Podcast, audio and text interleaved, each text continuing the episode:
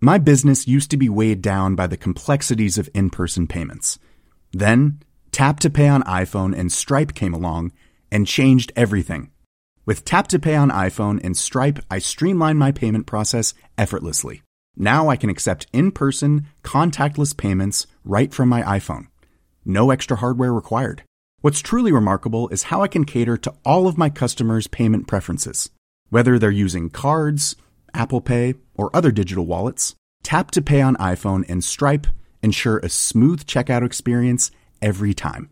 And it's not just me. Stripe helps businesses of all sizes, from local markets to global retailers, scale quickly and stay agile. To learn how Tap to Pay on iPhone and Stripe can help grow your revenue and reach, visit stripe.com slash tap iPhone. Nå er personvernet både fremtiden og nåtiden. Deling av nyheter i sosiale medier fortsetter å falle, selv om alternative nyheter vokser. Antall nye Facebook-brukere i Norge vokste med 4% i første kvartal. Og podkastplattformen Acast vil la podkastere ta seg betalt for å abonnere. Velkommen til Hans Petter og co. Jeg heter Hans Petter, og denne episoden ble spilt inn onsdag 8. mai, og det fra et hotellrom i vakre Hjelmeland i Rogaland. Lenker til alt jeg har snakket om, og øvrige innslag finner du selvsagt på hanspetter.info. Welcome to F8. Today, we're going to talk about a privacy focused social platform. Privacy gives us the freedom to be ourselves. So it's no surprise 30. april til 1. mai, da var det duket for Facebook sin årlige utviklerkonferanse F8. De fleste medier med respekt for seg selv har selvsagt skrevet om det her for lenge siden, så jeg skal ikke bruke så mye tid på å dvele over hva som ble sagt, eller humoren til Mark Zuckerberg som ingen lo av, eller setningen 'The future is private', som nesten ble gjengitt til det kjedsommelige. Når det er sagt, så er det jo flott, altså ingen diskusjon der, at Facebook endelig ser ut til å ta personvern på alvor. Facebook og de fleste andre teknologigiganter har for lengst demonstrert gjennom deres handlinger at de ikke har hatt det beste forholdet hva gjelder etikk og moral, eller ansvar, men det ser ut til å snu seg litt nå. Og det snur seg kanskje da fordi nå kommer det trusler om milliardbøter, og f.eks. For, for Facebook sin del krav om at de må ansette en statlig godkjent personvernekspert, etablere et uavhengig personvernutvalg, og at de vil gjøre Mark Zuckerberg personlig ansvarlig for å implementere alle tiltak. Og da er det kanskje like greit da å ta personvern på alvor. Skiftet som vi kanskje hørte om fra den tradisjonelle Facebook-feeden til grupper og meldinger og stories, er heller ikke noe Mark Zuckerberg plutselig har funnet på som viktig og riktig. For er det én ting Mark og co. har mye av, så er det jo data, og de har også kunnskap om hvordan de skal bruke den dataen. Og de dataene har garantert fortalt Facebook-gjengen at det er veien det går. Det går mot mindre feed, mer grupper, mer meldinger, mer stories, mer privat. Og da er det jo best å tilpasse seg deretter, og det er ikke noe galt med det heller. Tvert imot, altså hadde alle selskaper vært like gode til å endre seg i takt med sine kunder og publikum, da er jeg ganske sikker på at vi hadde hatt langt flere tjenester som ga mye bedre brukeropplevelser. Men hva mener egentlig Mark Zuckerberg med 'the future is private'? Altså, når er fremtiden? Er den i morgen? Er den neste uke, neste måned eller neste år, eller om fem år? Altså Facebook har f.eks. i lang tid snakket om å lansere et verktøy som de har kalt for Clean History, hvor du kan fjerne all historikk hos Facebook. Men enn så lenge så har vi kun registrert forsinkelser på forsinkelser. Forsinkelser som antageligvis skyldes at de må tenke ut en ny måte å kunne påse at annonsørene får gode nok data til å målrette sine annonser, slik at Facebook fortsetter å tjene penger, slik at aksjekursen fortsetter å gå i riktig retning. Lenke til av F8-konferansen fra The Verge, som jeg vil anbefale deg å se, det finner du på. Good morning, good morning. Wonderful to be back here at Shoreline with all of you. Uh, it's been a really busy few months for us at Google. Of course, today is about you all, our developer community, and thank you all for joining us in person and to the millions around the world watching on live stream. I would love to say welcome in all the languages our viewers speak, but we are going to keep the keynote under two hours, especially since Barcelona kicks off against Liverpool at noon. Under Google sin tilsvarende utviklerkonferanse IO, som da er kort for Input Output, sa Sundar Pichai, toppsjefen i Google, at the present is private. Altså nåtiden er privat. For all del, det er morsomt med de her ordspillene mellom de respektive toppsjefene. Jeg håper ikke Tim Cook kommer opp med noe now is private, eller hva det måtte være, for det blir litt svulstig. Spesielt også da når vi vet at Google også har misbrukt data de har om oss. Det ser vi bøter som et eksempel på. Uansett så er det jo veldig bra at teknologiselskapene ser ut til å ta personvern på alvor, uansett om det er frivillig eller ikke.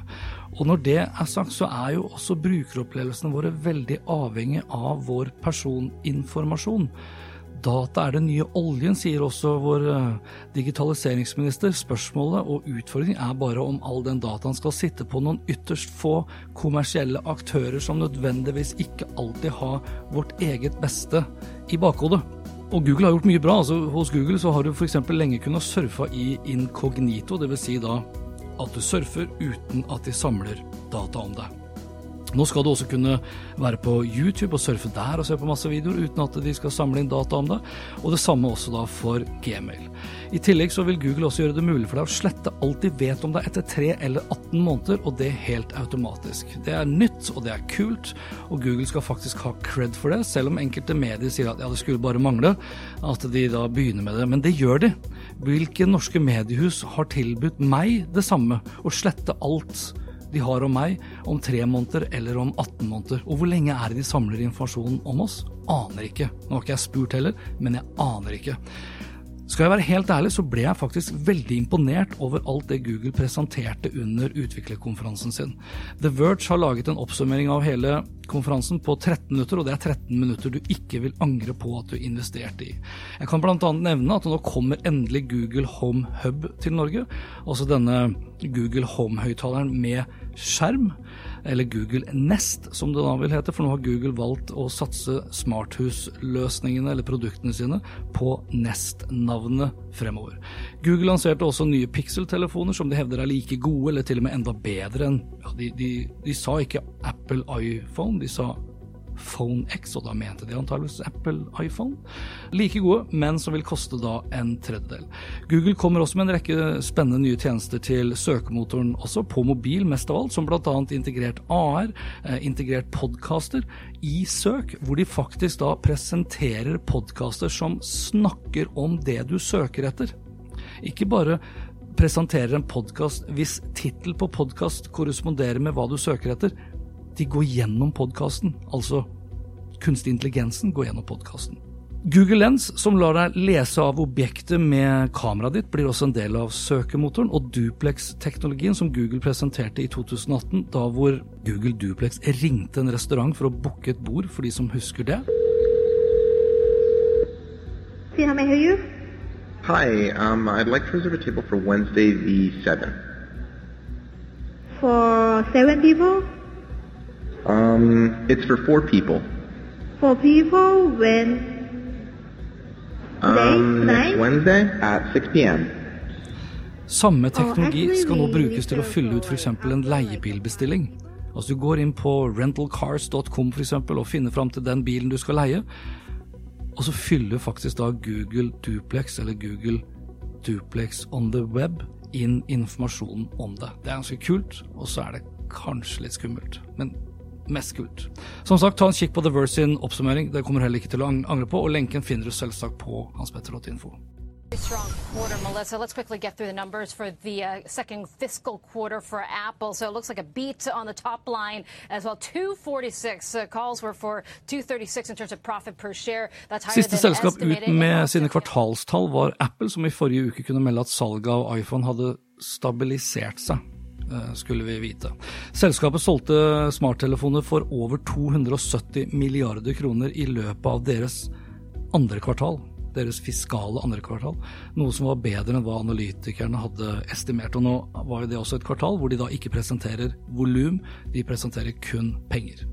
Aksjekursen steg som følge av resultatfremleggelsen, og for andre gang passerte Apple den magiske 1000 milliarder dollar i børsverdigrensen, men det bare for en kort stund. Men uansett, imponerende i seg selv. Og det til tross for, eller det, ja, jo, det til tross for at overskuddet falt nesten 20% fra første kvartal i 2018 til 2019, men fortsatt så tjener Apple gode penger. Over 100 milliarder kroner i overskudd er ikke så gærent. Jeg sa jo at iPhone-salget hadde stabilisert seg, altså, og her eh, kan man jo lure på hva man legger i det å stabilisere seg, for det falt med 17% og Apple har kjørt hardt på å få oss til å bytte inn våre gamle telefoner til nye. Og det er ikke en dum strategi. Apple har skjønt at markedet har bremset opp. De har skjønt at ikke det er så himla mange av oss som vil betale 20 000 kroner hvert bidige år for en telefon som egentlig ikke endrer seg noe særlig, i hvert fall ikke så radikalt som de selv vil hevde fra scenekanten. Men de har også skjønt viktigheten av å sikre seg inntekter i form av tjenestesalg til de nesten 1,5 milliarder enheter som er i bruk over hele verden. Ikke overraskende så er det også tjenestesalg som vokste raskest, og det er før Apple også har begynt å kapitalisere på de nye tjenestene de snart skal lansere, som bl.a. Apple News Plus, Apple TV Plus og Apple Arcade. Så til tross for at Apple på mange måter fortsatt er et hardware-selskap som fortsatt er veldig avhengig av sin iPhone-omsetning, så tror jeg på et Apple i fremtiden som vil gjøre seg mindre avhengig av inntektene på hardware, og mer avhengig av inntektene på software og ikke minst tjenester.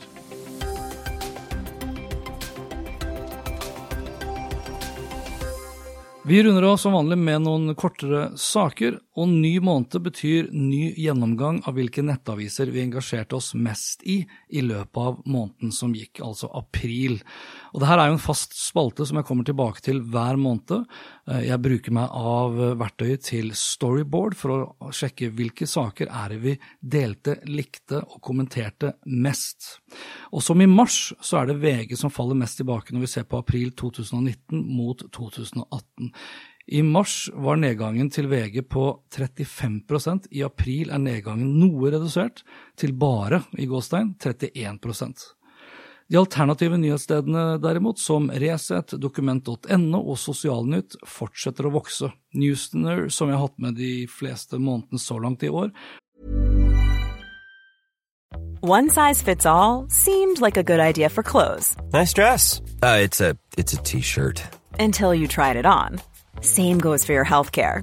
That's why United Healthcare offers a variety of flexible, budget friendly coverage for medical, vision, dental, and more. So, whether you're between jobs, coming off a parent's plan, or even missed open enrollment, you can find the plan that fits you best. Find out more about United Healthcare coverage at uh1.com. That's uh1.com. My business used to be weighed down by the complexities of in person payments. Then, Tap to Pay on iPhone and Stripe came along and changed everything. With Tap to Pay on iPhone and Stripe, I streamline my payment process effortlessly. Now I can accept in person, contactless payments right from my iPhone. No extra hardware required. What's truly remarkable is how I can cater to all of my customers' payment preferences. Whether they're using cards, Apple Pay, or other digital wallets, Tap to Pay on iPhone and Stripe ensure a smooth checkout experience every time. And it's not just me. Stripe helps businesses of all sizes, from local markets to global retailers, scale quickly and stay agile. To learn how Tap to Pay on iPhone and Stripe can help grow your revenue and reach, visit stripe.com/tapiphone. Falt denne gangen ut av topp 10 Men jeg fant de rett etterpå, rett bak ABC-nyheter, på ellevteplass. Nettavisen sto for den saken som engasjerte mest, og det var den tyske elbilundersøkelsen som viste at elbiler forurenser mer enn dieselbiler. Slakten av undersøkelsen kom ikke inn på topp 50-listen over artikler som Storyboard har, i sin oversikt, og det er jo symptomatisk og problematisk på samme tid. Andelen alternative nyheter blant de ti største nyhetssidene som vi liker, kommentere og dele, ligger jevnt på om lag 20% så langt i 2019. Totalt for hele måneden fortsetter den nedadgående trenden derimot. Vi liker og kommenterer og deler mindre fra måned til måned. Og det er i tråd kanskje med Facebook uh, sin nye strategi for selskapet, det å satse mer på stories, grupper og meldinger, og mindre på selve Facebook-feeden. Og mens vi er inne på det her med deling av nyheter i sosiale medier, så skriver Rino Andersen i Spinner kommunikasjon i en sak som jeg fant på My Newsdesk, at vi leser mindre aviser og nettaviser. Det nevnte jeg i episode 21 også. Han skriver videre avisene sliter i tung motbakke, de mister lesere både på papir og nett, og det er et demokratisk problem. Jeg skal ikke være helt uenig i det, men videre så skriver han da følgende. I 1988 var oppslutningen om papiravisene på 81% Norsk mediebarometer viser at oppslutningen 20 år senere er på 64 for papir- og nettutgavene samlet.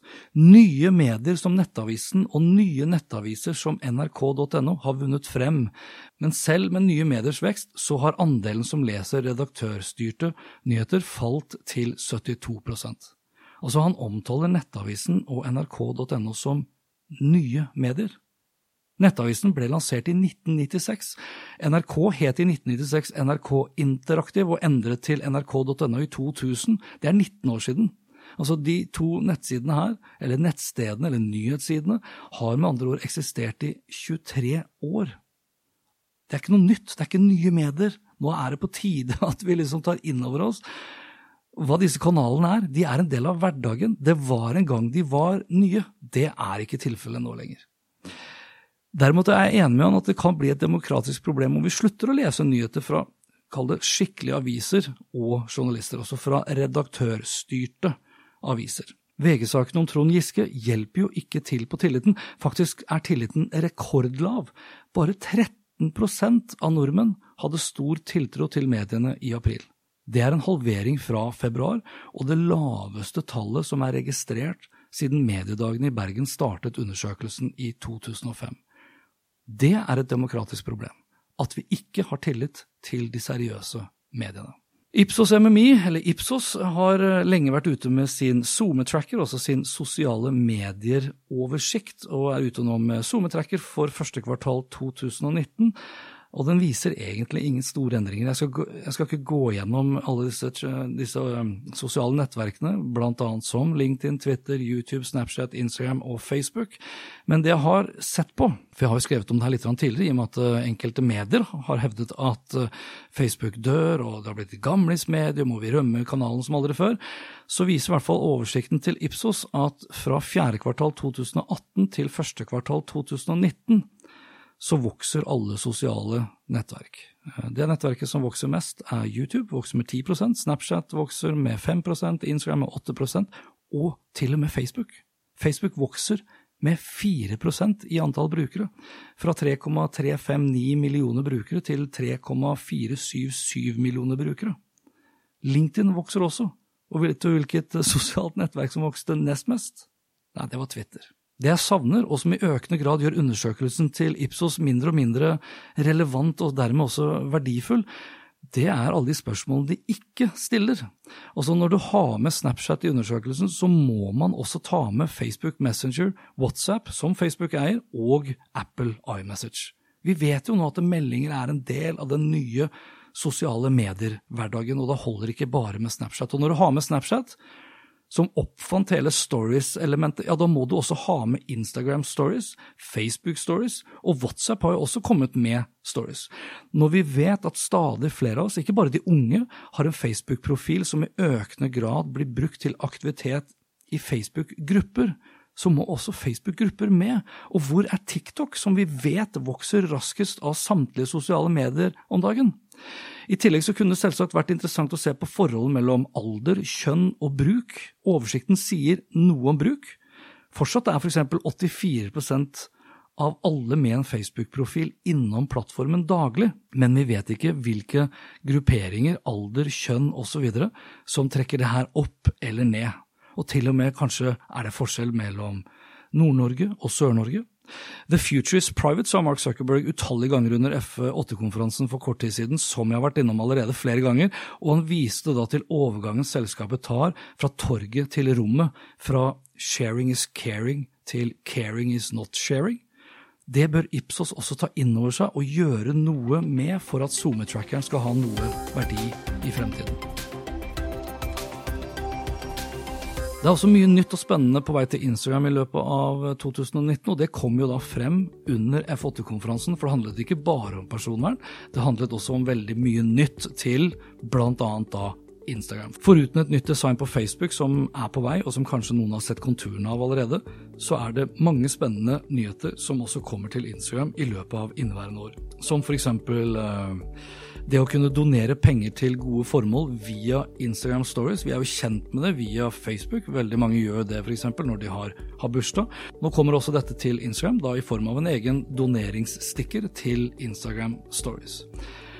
En rekke tjenester for å motarbeide mobbing er også på vei. Instagram skal bl.a. advare brukere som er i ferd med å skrive noe stygt, med en sånn liten nudge. Da får du en liten sånn virtuell eh, prikk på skuldra om at eh, nå burde du ta det kanskje litt med ro her. Du skal også kunne velge å være i et såkalt away-modus.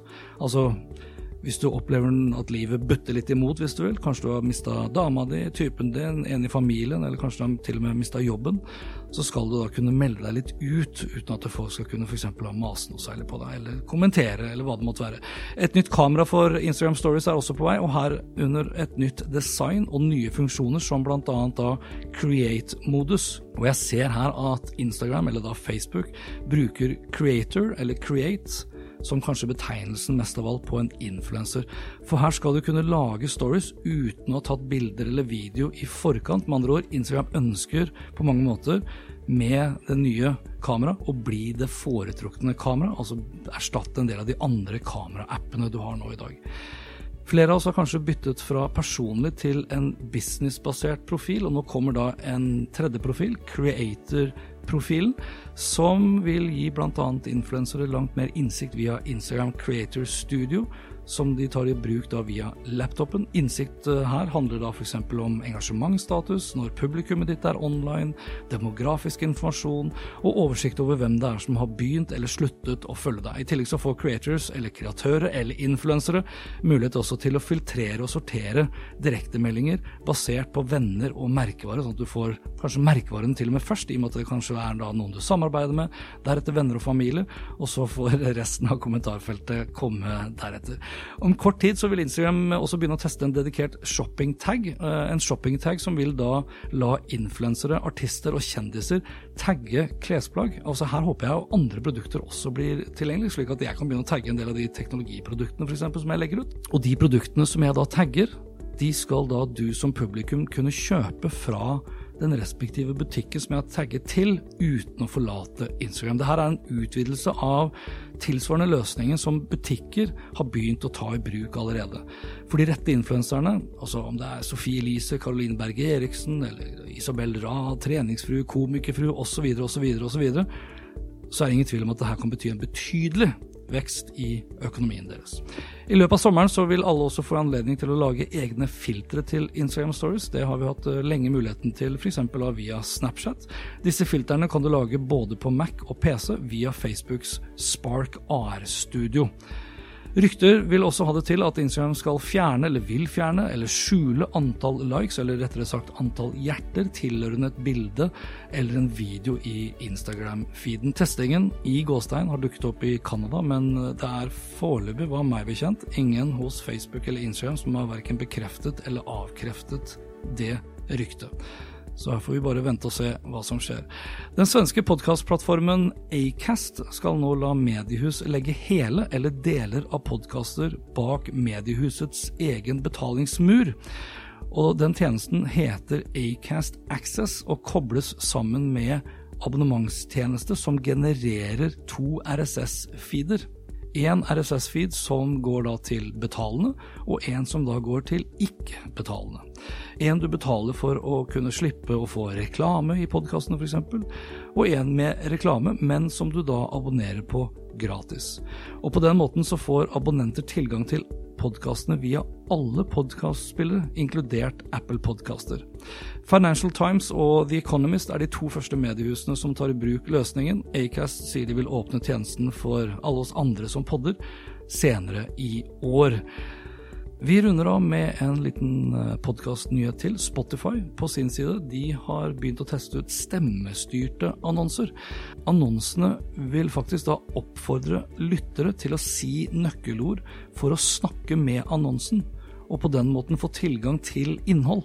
Første ute til å teste er, det er jo ikke overraskende det heller, det er USA. Litt skuffende, burde testa de i, i hvert fall Sverige først. Og så langt så blir testbrukerne kun sendt videre til spillelister og podkaster som befinner seg på Spotify. Og det var det for denne gang fra Hjelmeland i Rogaland. Liker du det du hørte og vil forsikre deg om at du får med deg de neste episodene, da vet du hva du gjør. Da abonnerer du på Hans Petter Co. på Apple Podcaster, på Spotify, Google Podcast, Overcast og TuneIn Radio. Eller burde jeg si eller TuneIn Radio. Inntil neste gang, vær nysgjerrig, for det er den beste måten å møte vår digitale fremtid på. My business used to be weighed down by the complexities of in person payments. Then, Tap to Pay on iPhone and Stripe came along and changed everything. With Tap to Pay on iPhone and Stripe, I streamlined my payment process effortlessly. Now I can accept in person, contactless payments right from my iPhone. No extra hardware required. What's truly remarkable is how I can cater to all of my customers' payment preferences. Whether they're using cards, Apple Pay, or other digital wallets, Tap to Pay on iPhone and Stripe ensure a smooth checkout experience every time. And it's not just me. Stripe helps businesses of all sizes, from local markets to global retailers, scale quickly and stay agile. To learn how Tap to Pay on iPhone and Stripe can help grow your revenue and reach, visit stripe.com slash tap iPhone. Why don't more infant formula companies use organic, grass fed whole milk instead of skim? Why don't more infant formula companies use the latest breast milk science? Why don't more infant formula companies run their own clinical trials? Why don't more infant formula companies use more of the proteins found in breast milk? Why don't more infant formula companies have their own factories instead of outsourcing their manufacturing? We wondered the same thing. So we made ByHeart, a better formula for formula. Learn more at byheart.com.